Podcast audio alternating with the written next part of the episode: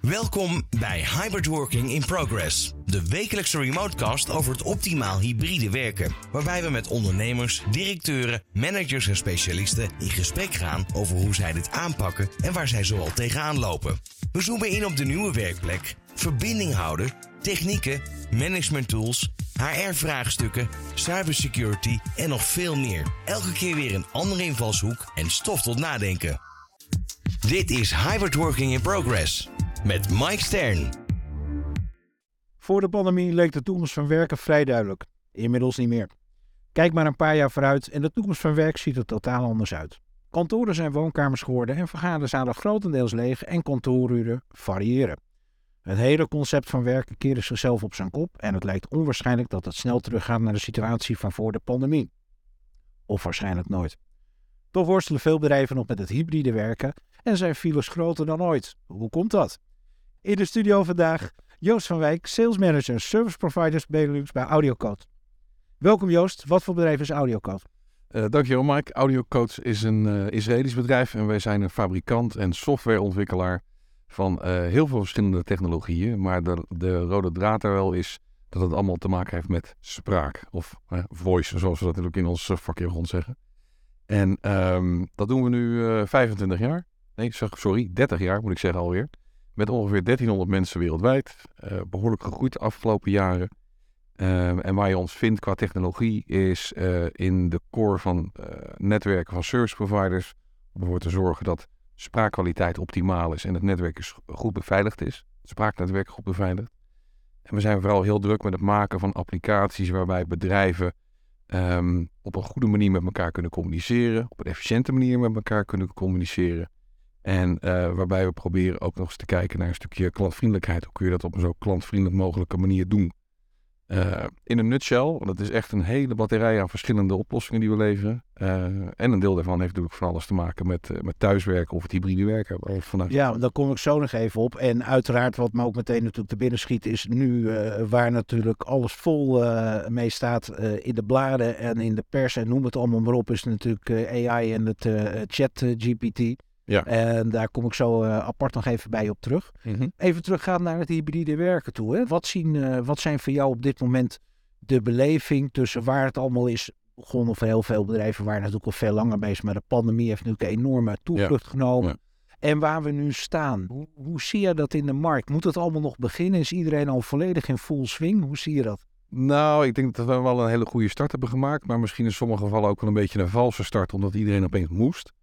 En misschien in die periode wel uh, beslissingen zijn genomen die achteraf gezien niet de meest uh, slim, uh, slim waren. en dan denk ik natuurlijk vanuit ons gezien gaat het met name natuurlijk over de oplossingen die je dan gebruikt om, om thuis te kunnen werken. Want wij zijn niet zozeer adviseur in de zin van organiseer je dat binnen je bedrijf. We zijn geen, we zijn geen, bedrijfs, geen, geen bedrijfsconsultants om het zo maar te zeggen. Dus wij focussen ons meer op de technologie. Hoe kun je ervoor zorgen dat die medewerker de juiste tools heeft om thuis te kunnen werken? Uh, of wanneer die op kantoor zit, uh, flexibel te kunnen werken op verschillende werkplekken of vergaderruimtes en dat soort dingen. Um, maar wat ik wel merk is dat er hapsnap opeens investeringen zijn gedaan omdat het opeens snel moest.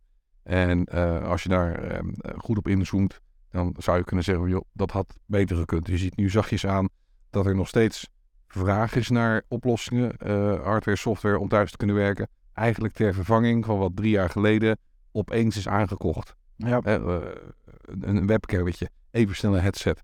Of weet je, dat soort dingen. Daar heb ik toch een vraag aan je. Want dan zeg je op een gegeven moment, ja, wij zijn niet een implementatieadviseur. Maar ik kan me zomaar voorstellen dat iemand op een gegeven moment een aantal zaken heeft aangeschaft. En dat je dat geluid hoort van ja, allemaal lastig, het werkt allemaal niet. Maar veelal omdat, wat jij net al zei, het implementatieproces is overgeslagen. Want we moesten. Het moest gewoon allemaal heel erg snel. Word je dan ook niet vaak gedwongen om dan tegen zo'n klant te zeggen van joh, laten we eerst even kijken van hoe het nou bij jullie geïmplementeerd is? Nou, laat ik het zeggen, ik denk dat de implementatie over het algemeen wel, wel goed is, maar we, op, op de juiste manier geïnstalleerd. Daar kun je ook niet zo heel veel verkeerd aan doen, denk ik hoor. Uh, misschien ook wel, maar misschien denk ik het er makkelijk over. Maar uh, neem een voorbeeld, hè. je hebt een, een, een, thuiswerkplek. Ehm, waar je voor moet zorgen is dat je uiteindelijk daar de juiste tools hebt, de juiste spullen, om het maar even plat te zeggen, uh, die van een dusdanige kwaliteit zijn dat het, uh, dat het goed werkt. En eh, dat de andere partij jou goed kan horen en jou goed kan zien. Eh, dus het zit dan, dan meer in eh, wat heb je nou precies gekocht. Ehm, en waar je wel naar zou kunnen kijken natuurlijk van joh, draait dat thuis op een, op een goed netwerk bijvoorbeeld. Hè, dat is de, de pijn van iedere systeembeheerder. Want die heeft opeens allemaal mensen niet meer op kantoor zitten. Eigenlijk geen invloed meer op wat er gebeurt op die thuiswerkplek. En dat is wel een dingetje. Hè, want je medewerkers zijn opeens verspreid. Wij spreken over heel Nederland. Uh, waarbij je vroeger even naar een bureau kon lopen en even uh, assistentie kon verlenen, is dat er ope opeens niet meer. Dus een extern stuk toegevoegd aan jouw netwerk, waar je eigenlijk geen invloed op hebt. En daar zijn tools voor om tot en met het type headset wat je op je hoofd hebt te kunnen zien van hey, hoe functioneert dat ding? Maar heb jij dan ook het idee dat bedrijven die die hele omslag, implementatie al volledig gemaakt hebben? Of moet daar nog een hoop gebeuren? Hoe zie je dat zelf als je naar jouw contacten in de markt kijkt? Um, ja, dat vind ik lastig, want ik, ik praat niet altijd met eindgebruikers. Okay. Uh, dat zijn mijn, mijn partners uh, die uiteindelijk uh, dat contact met die klant hebben. En natuurlijk zijn we wel in, in, in contact met die eindklant als dat op verzoek is van, van onze partner. En we waren pas geleden bij een, een groot pensioenfonds waar we dan uitgenodigd worden om te praten over call recording bijvoorbeeld. en die zie je dat dat soort bedrijven nu zeg maar de move gaan maken van nou ja, bijvoorbeeld Skype of, of iets ouders naar bijvoorbeeld Microsoft Teams. En daar ondersteunen we dan in qua technologie. Ja. Dus die, die, die omslag van nou ja, legacy communicatiesystemen naar die thuiswerksystemen, om het dan zo maar te zeggen, Zoom of, of Teams of Cisco, nou ja, you name it. Uh, die is zeker nog aan de gang. Nog, nog lang niet iedereen is over. Nee, dat is, dat is inderdaad wel duidelijk. Dus er is echt dan wel wat, iets te halen. Hey, we hadden het er net al even over. Hè? Er is natuurlijk heel veel over te doen. En veel mensen weten nog helemaal niet van de hoed en de rand. Maar eh, als je kijkt naar de ontwikkeling en al het nieuws op het gebied van AI en ChatGPT. Uh, mm. Kan je daar iets over vertellen? Weet je daar iets over? Zijn jullie daarmee bezig? Ja, ik denk. Is een medisch bedrijf, dus die lopen vaak voor natuurlijk. We zijn er zeker mee bezig. Uh, ik heb ook al wat dingen gezien. Ik ga ook niet alles vertellen, maar uh, wat we in ieder geval al hebben. We houden het onder ons, hè, wat hier bespreken. Ja, ja, precies. Ja, de je mag alles vertellen. Nee, precies. Nee. Luister erom naar. Uh, nee, ja, wij zijn vooral uh, de afgelopen jaren veel bezig met wat we noemen voice AI of, of conversational uh, AI. Dat betekent dat je, uh, wanneer je naar een contactcenter belt, niet altijd meer per definitie een live persoon aan de lijn krijgt. Maar het kan best zijn dat de eerste tien vragen door een, door een bot worden gesteld. dus dat even een tussenvraag hebt.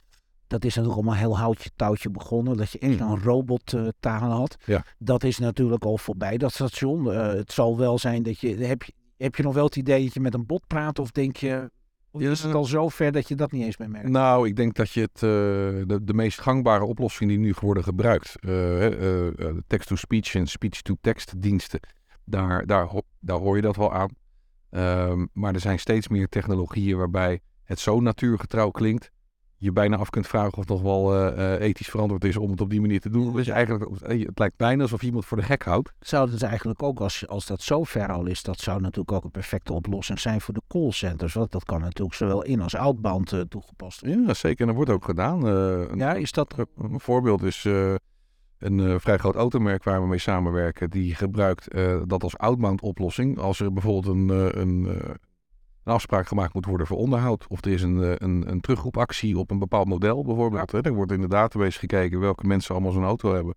En het systeem gaat uitgaan bellen uh, met het verzoek of legt uit waarom er gebeld wordt. En vervolgens het verzoek wanneer wilt u een afspraak uh, maken langs. Als ik jou goed begrijp, dan zou het al heel goed kunnen zijn dat je gewoon totaal niet meer door hebt dat je dus met een bot in gesprek bent. Ja, dat zou kunnen. Zeker. Is dit nog natuurlijk redelijk makkelijk, het plannen van een afspraak. Uh, daar heb je niet zo heel veel varianten in zitten. Maar waar gaat dit heen? Hebben jullie daar een, een, visie over? Heb je daar zelf een idee over? Nou ja, kijk, er zal wel steeds meer geautomatiseerd worden. En wat je uiteindelijk ziet, um, uh, we zijn, wat je, wat je ziet is eigenlijk twee dingen. Je hebt de technologie en dan de vraag is wat, wat, wat kun je nou allemaal um, automatiseren? Daar komt het dan eigenlijk op neer. We werken samen met een bedrijf uit Rotterdam, die eigenlijk zegt, ja, wij, wij lossen alle, alle, alle rotklusjes, uh, die, die gaan we automatiseren. Dus... Uh, het is niet per definitie rotklusjes, maar dingen die veel, uh, die repeterend zijn. Ja. Een ziekmelding in de ochtend. Uh, of bij, bij PNO. Uh, iemand die naar IT belt omdat hij zijn wachtwoord moet veranderen. En niet meer weet hoe het moet. Ehm, dat zijn eh, veel voorkomende vragen. Waar nu elke keer iemand daadwerkelijk de telefoon op zit te nemen. Of mail is, zit te beantwoorden. Kan ehm, overigens ook heel erg makkelijk zijn dat als je een, eh, Nederlands gevestigd bedrijf hebt en je hebt eh, bijvoorbeeld internationaal personeel voor je werk en Mm. denk aan programmeurs over de hele wereld, mhm. dat je niet 24 keer 7 een desk hoeft eh, te bemannen, maar dat je dat op die manier ook op Tuurlijk. Dat is het- natuurlijk ook een Het toepassing. heeft alles te maken met, eh met schaarste van mensen. Ja. In contactcenters is dat, is dat zeker het geval. En ah, het- daarnaast heeft het ook nog eens een keertje te maken dan met een stukje klantvriendelijkheid. Want je wil uiteindelijk degene die belt wel zo snel mogelijk kunnen helpen. Nou, als dat geautomatiseerd kan, eh, is dat ook prima. Want uiteindelijk gaat het natuurlijk om hoe snel heb ik het juiste antwoord of vraag beantwoord aan degene die met ons contact opneemt. Ja. En als dat een eh, geautomatiseerd gesprek kan zijn, prima. En als die eh, bot het op een gegeven moment niet meer snapt, word je uiteindelijk alsnog doorverbonden met een, met een, een, een echt persoon. Ehm, met En een, hetzelfde principe met de invulveldjes op websites. Ja. Dat op het moment dat je het niet meer snapt wordt. Ja, dat is- hè, dat zijn dan de chatbots eigenlijk. Hè? Die Ja. is hetzelfde principe. De chatbot eh, eh, is eigenlijk de voorloper van de voicebot. Het is dezelfde vraag- en antwoordspel, maar dan niet op basis van type, maar op basis van, van spraak. Maar je zou je eigenlijk kunnen concluderen dat eh, door met name het personeelstekort dat dit een vogelvlucht heeft genomen in één keer? Was het er al? Stond het al op doorbreken? Want het, het is wel, het is heel tamelijk revolutionair. Eh, dat is tweeledig, denk ik. Eh tuurlijk heeft het eh, personeelstekort ermee te maken dat het eh, eh, een vlucht heeft genomen. Eh, de technologie is natuurlijk ook steeds beter geworden. Ik kan me herinneren, en dan praat ik over eh, begin jaren 2000, dat er al oplossingen waren. Dat je naar een, eh, een, eh, een telefoonnummer kon bellen en dat het ding zei met wie wilt u spreken. En dat je dan gewoon kon zijn, nou met Mike Stern. En dan kreeg je nog de vraag, wilt u naar het vast of naar het mobiele nummer worden doorverbonden? Dus dit was er al wel, maar het was allemaal heel specifiek en betrekkelijk kostbaar. Ja, en nu zijn dit soort diensten eh, redelijk betaalbaar eh, via Microsoft Azure of Google eh, of, of Amazon Web Services. Al die grote jongens hebben allemaal dat soort diensten die wij vervolgens weer gebruiken om in onze Voice AI-omgevingen te koppelen. houdt voor jullie natuurlijk ook best wel een verandering in. Want dat betekent ook dat je eigenlijk toch weer op een andere manier de markt in kan. Schat ik dat zo goed in? Eh, zeker, maar dat is sowieso voor audiocodes een, een belangrijk verschil ten opzichte van, eh, nou ja, we zeggen, vijf, zes, zeven jaar geleden. Toen we toch ehm, veel meer een technologiepartner waren die eh, een beetje op de achtergrond bezig waren met, met, met oplossingen die in, de, in de, netwerken van die, van die klanten of, of service providers aanwezig waren, nog steeds aanwezig zijn. En we nu veel meer bezig zijn met oplossingen die daadwerkelijk te maken hebben met de beleving van de, van, van, van de klant. Eh, waar mensen dagelijks mee bezig zijn. En dat is een andere manier van communiceren met die eindklant dan dat we dat vijf, zes, zeven jaar geleden en daarvoor deden. Ja.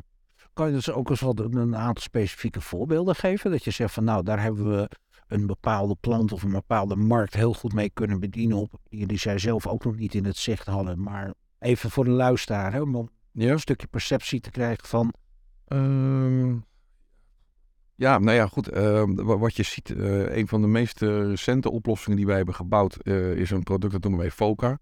En VOCA is een eh, combinatie van conversational IVR. En vroeger had je een IVR, interactief voice response systeem, wat, wat, wat iedereen wel kent. Je belt naar een bedrijf en het is hallo, welkom bij firma Jansen. Druk 1 voor dat, druk Ja. 2 voor dat, druk die. En als dat een kort minuutje is, is dat prima.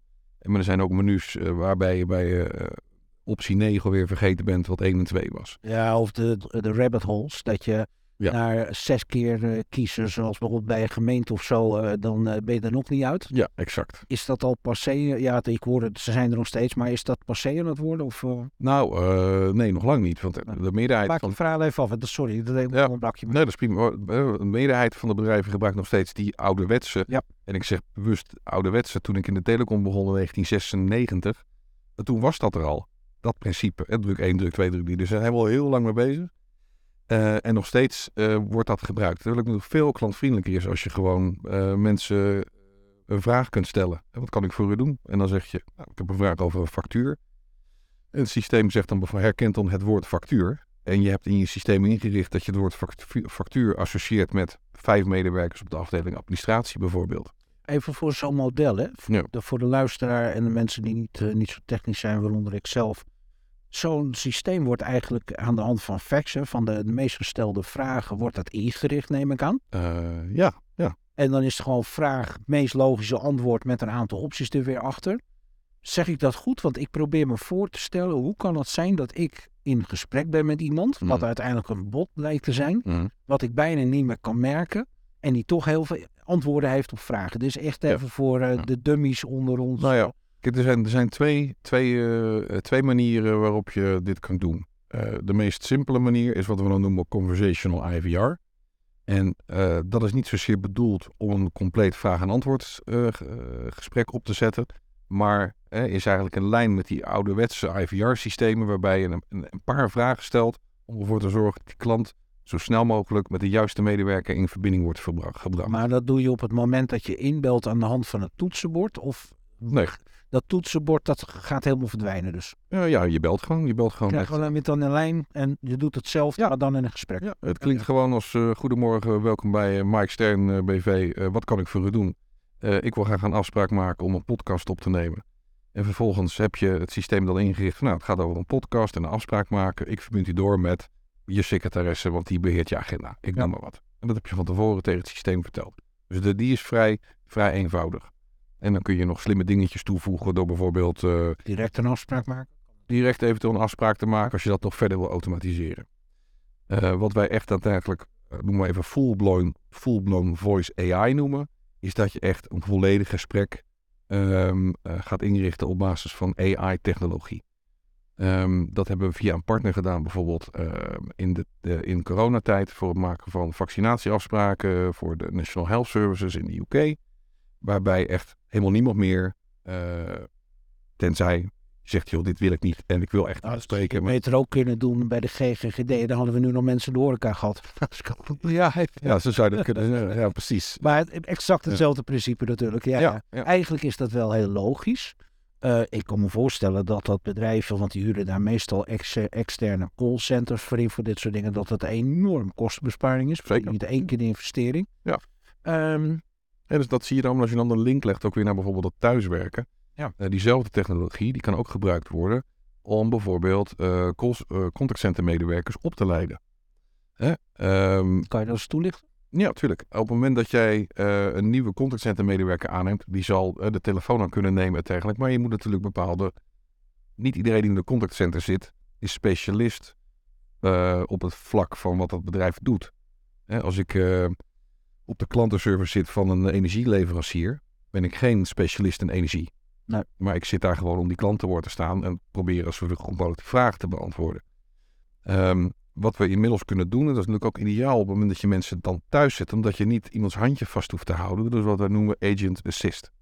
Een agent assist is eigenlijk het tegenovergestelde van dat voice AI wat ik net, wat ik net uitlegde. Dat betekent dat het voice AI systeem eigenlijk meeluistert met het gesprek tussen de medewerker van het energiebedrijf en die klant. Dus op het moment dat die klant iets vraagt, wordt dat ook gelijk door het voice AI systeem gehoord. En die komt vervolgens met het meest eh, aannemelijke antwoord wat die contactcentermedewerker kan geven. En dat doet hij het hele gesprek door. Dus eigenlijk wordt hij constant gevoed van hé, de klant zegt nu dit, beste contactcentermedewerker, jij moet nu dit zeggen. En ehm, anders dan dat je vroeger deed, je iemand drie maanden bij wijze van schoolbank moest zetten om hem eenmaal op een running te krijgen in wat er allemaal gaande is bij zo'n energieleverancier, gaat dat nu veel sneller. En ook veel praktischer, omdat je niet per definitie iemand, nou ja, eh, je hoeft niet te babysitten. Nee. Dus die kan toch gewoon Ik kan één model voor ik weet niet wie gebruiken. Dus dat ja, ik noem een energieleverancier als voorbeeld. Ja. Dat kan niet een willekeurig bedrijf zijn, maar een contactcenter. een geweldige ontwikkeling. En er zullen nog heel veel andere toepassingen denk ik ook wel op komen. Dus dat wat dat betreft eh, Ja. Perfect. En als je dat dan even afzet, eh, ik weet niet of, dat, eh, of jij daar ook voldoende zicht op hebt. We hebben het net al even genoemd, het eh, chat GPT. Mhm. Hoe moet ik dat in het hele plaatje zien? Kan je daar ook een toelichting op geven? Ehm, ja, wat wij nu bijvoorbeeld al gedaan hebben, en dat is meer als, als, als, als gadget om te zien van, joh, wat kan er nou eigenlijk? Hebben we onze voice AI-omgeving gekoppeld aan ChatGPT. En er zijn eigenlijk twee variaties. Je hebt ChatGPT, waar iedereen een inlog op kan krijgen. En eh, daar kun je mee spelen. Misschien eens gedaan als je zegt van, joh, eh, eh, je kan hem de meest rare vragen stellen, maar ik kan bijvoorbeeld de vraag stellen, joh, schrijf eens een theaterscript over, over Mike die op vakantie gaat naar Curaçao een paar woorden, dan komt dat ding met een compleet verzonnen script over een toneelstukje met, met teksten en, en toestanden. Hartstikke grappig. En zo kun je van allerlei dingen met dat ChatGPT doen. Maar het is zo goed als de informatie die in ChatGPT staat. En het is ook geloof ik een beetje gedateerd, want de laatste info die erin staat is tot 2021 geloof ik of zo. Je hebt ook een commerciële versie, die heet OpenAI, zelfde organisatie. Eh, en daar kun je al wat meer mee. Dat is eigenlijk de commerciële variant. Eh, en we hebben onze Voice AI-omgeving, dus de text-to-speech, speech-to-text omgeving, gekoppeld aan uh, OpenAI. Betekent dat ik kan bellen naar een telefoonnummer en gewoon een vraag kan stellen. Anders zou je op OpenAI of ChatGPT die, vraag typen. En wij hebben nu, nu zo ingericht dat ik ook kan zeggen, joh, vertel me eens iets over een bepaald onderwerp. Dat houdt dus in dat een robot dat ook weer oppakt en daar dus op reageert. Ja, dus die... Uh, die, die, die tekst... Even voor de luisteraar, want om het begrijpelijk te houden, het houdt gewoon in dat wat je net eigenlijk vertelde, dat je dat ook op die manier met die chat kan doen. Dus in plaats van dat je een tekstbericht ziet, krijg je een gesproken reactie. Krijg je audio te horen. Ja, ja exact, exact. En zo kun je natuurlijk nog veel meer dingen bedenken. Ehm, misschien kan ChatGPT wel meeluisteren met, een, uh, met, met dit gesprek. Stel dat dit een uh, Teams-meeting zou zijn. Uh, kan ik dan ChatGPT mee laten luisteren bijvoorbeeld, omdat ik iemand wil hebben die notulen maakt? Ja, dat zit ik net aan te denken inderdaad, ja. Dat soort dingen. En is dat dan ook wel... Ik, ik denk even als, als vergelijking even terug aan de eerste versies van Google Translate, de, de vertaler. Ja, dat was natuurlijk een drama wat eruit kwam ja. rollen. Ja. Uh, hoe moet ik me dat hierbij voorstellen? Het, als, je, als ik dan even die notulen als voorbeeld neem, is dat dan van enigszins redelijke leesbare kwaliteit? Zeker wel. Ja, dat ziet er wel goed uit. Het, enige is dat je altijd, uh, um, en ik moet eerlijk zeggen, dat gaat mijn, uh, mijn, mijn kennis iets te boven. Je weet niet hoe, hoe betrouwbaar is het? Uh, hoe klopt het ook echt daadwerkelijk allemaal? Dat is natuurlijk de grootste vraag. Uh, hoe, hoe betrouwbaar is het? want ChatGPT is natuurlijk net zoals, uh, nou ja, neem maar een voorbeeld. Uh, Wikipedia bijvoorbeeld uh, wordt gezien als de encyclopedie waar alles in staat. Er staat ook wel alles in, maar je weet niet 100% zeker of het waar is. Want uiteindelijk is het nog steeds gevuld door mensen. En dat geldt ook voor ChatGPT. Nou, dan heb je natuurlijk met Wikipedia wel het feit dat het is gemaakt door en voor. Ja. Dus je hebt daar echt mensen op zitten die daar een soort monnikenwerk van hebben gemaakt. En ook meteen reageren als ja. iets niet klopt. Of kunnen corrigeren of hoe je het ook wil. Ja. Dat zal uiteindelijk hierbij natuurlijk ook gaan ontstaan. Dat het natuurlijk een... Uh, het, alleen het fascinerende is van, is dat uiteindelijk, en er is nu veel discussie over, is dat nog de mens?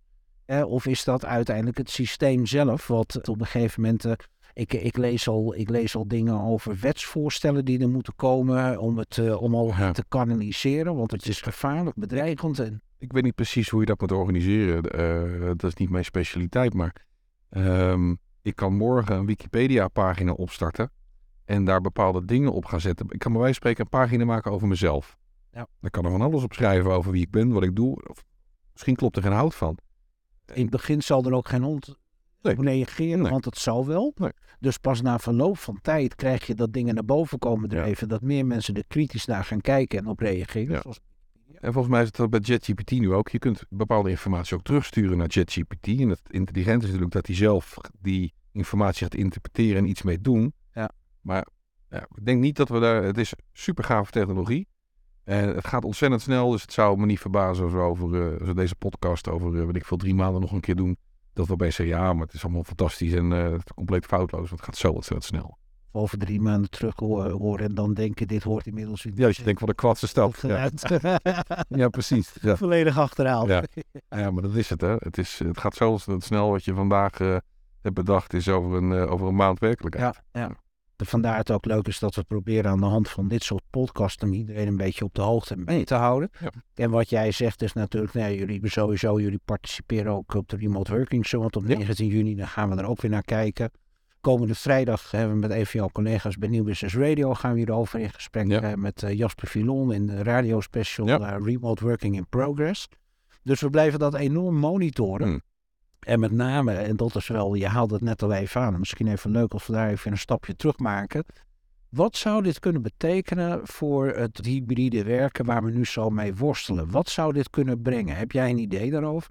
Je ChatGPT-achtige toepassing? Nou, alles wat we nu toe besproken hebben, dat uh, zowel de, de chat als uh, AI, uh, heb je daar een visie over? Dat je denkt, nou, dat zou een mooie toepassing kunnen zijn, of die kant gaat het op? Um... Nou ja, weet je, uiteindelijk denk ik dat dat, uh, en dat is niet zo heel specifiek met betrekking tot thuiswerken, maar in werken in het algemeen. Kijk, op het moment dat je dit soort diensten inderdaad kunt toevoegen aan bepaalde bedrijfsprocessen, dan uh, kun je uh, bepaalde dingen of die efficiënter laten lopen. Bijvoorbeeld, of bepaalde taken laten overnemen, waardoor je eh, eh, weer meer, be- beter toekomt aan, aan andere activiteiten die je doet binnen het bedrijf. Maar, Als je hem nou eens omkeert, hè, dat Hmm. je op een gegeven moment zegt van veel mensen eh, eh, lopen op hun tenen, eh, slecht bereikbaar, nergens tijd voor, meeting in meeting. Maak ik even een sprongetje. Stel nou dat de toepassing er ook is voor de medewerker. Dus de medewerker kan zelf een script maken.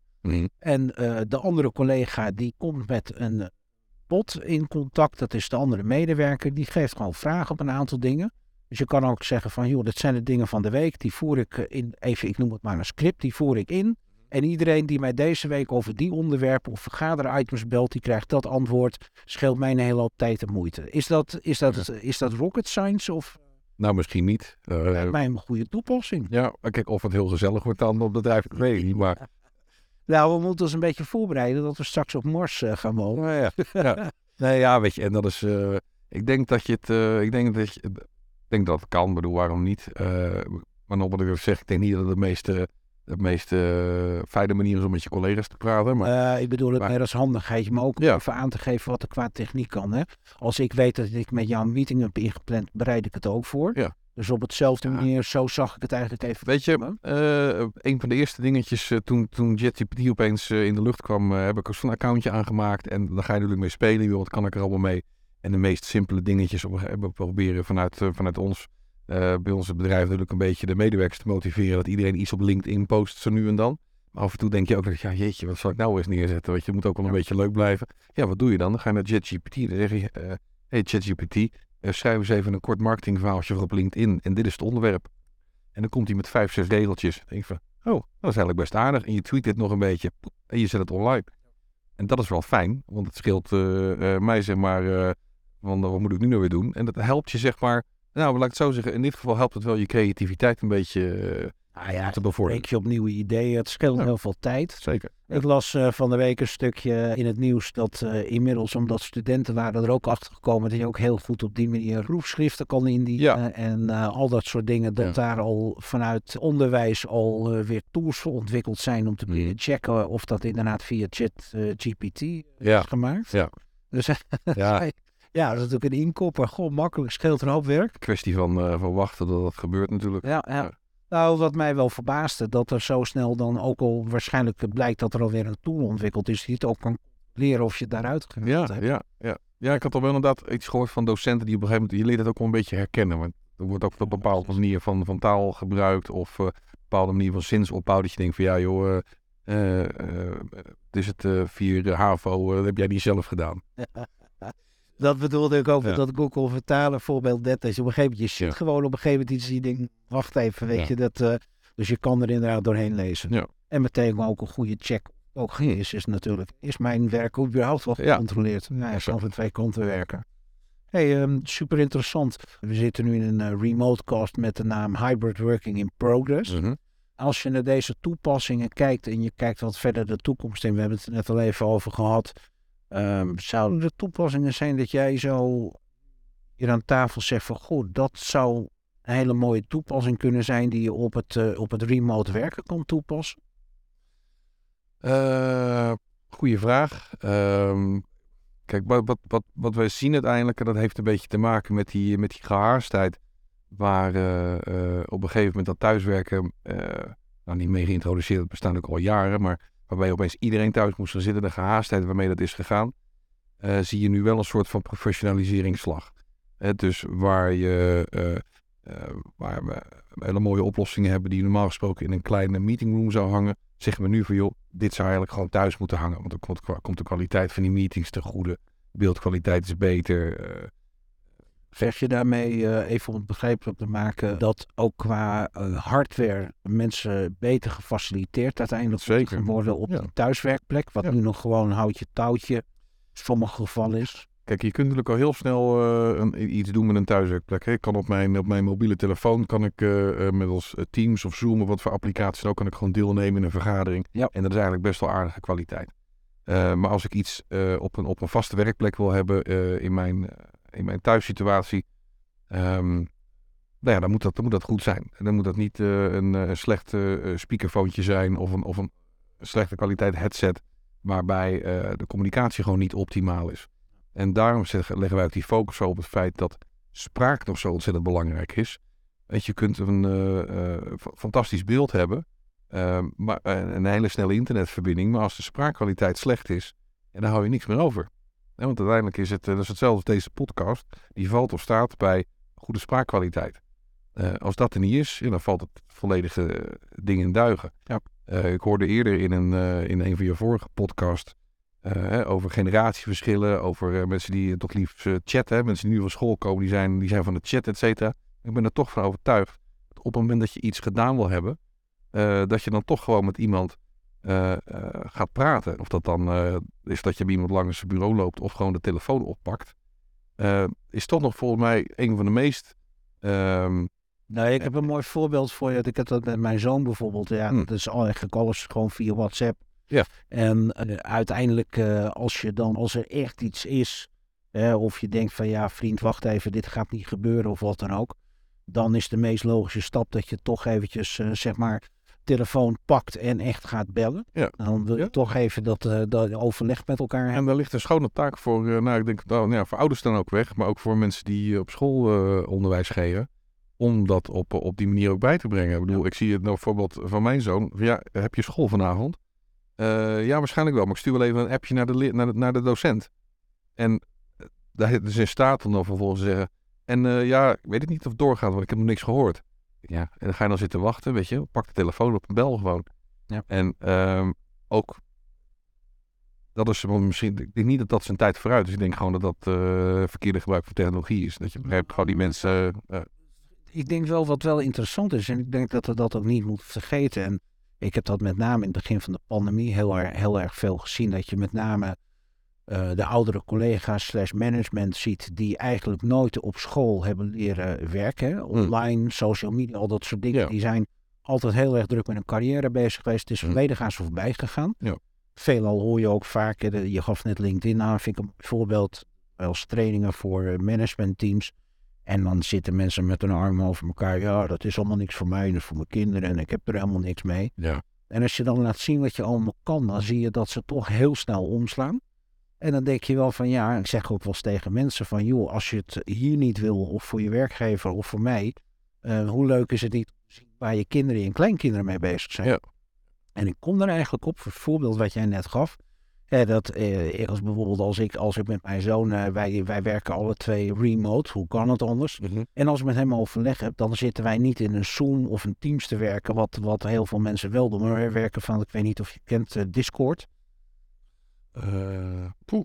Ja, dat ging. Ja, nee. Nou ja, ook weer een, een tool, eh, ontzettend makkelijk, eh, heel toegankelijk en werkt perfect. Ja.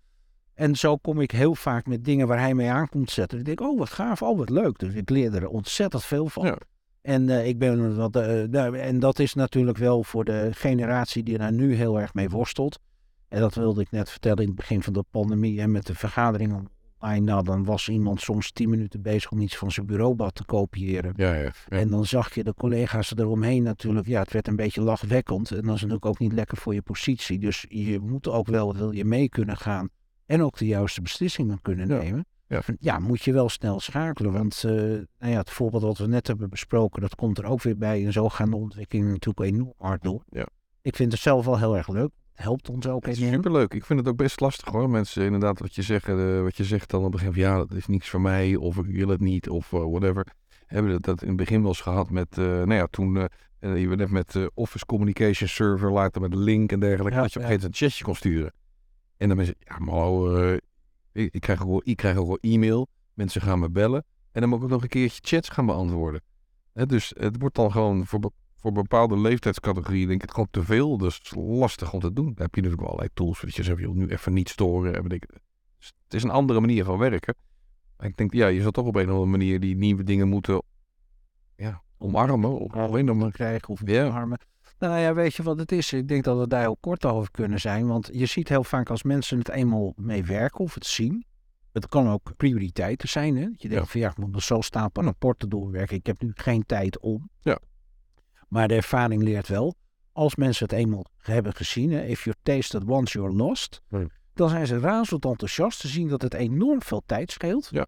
Dus dat is eigenlijk even die doorbraak uit die red race. Om even de tijd te nemen om Exact. En en, het valt, en bij te blijven. het valt of staat natuurlijk ook met de afspraken die je binnen je bedrijf maakt, waar je wat voor gebruikt. hè. Ik bedoel, Ja. eh, eh, e-mail is, is reactief. Als ik jou eh, een, in een e-mail stuur, dan hoef ik niet, dan, is, eh, dan eh, zou eh, moet mijn verwachting niet zijn dat jij binnen een kwartier reageert.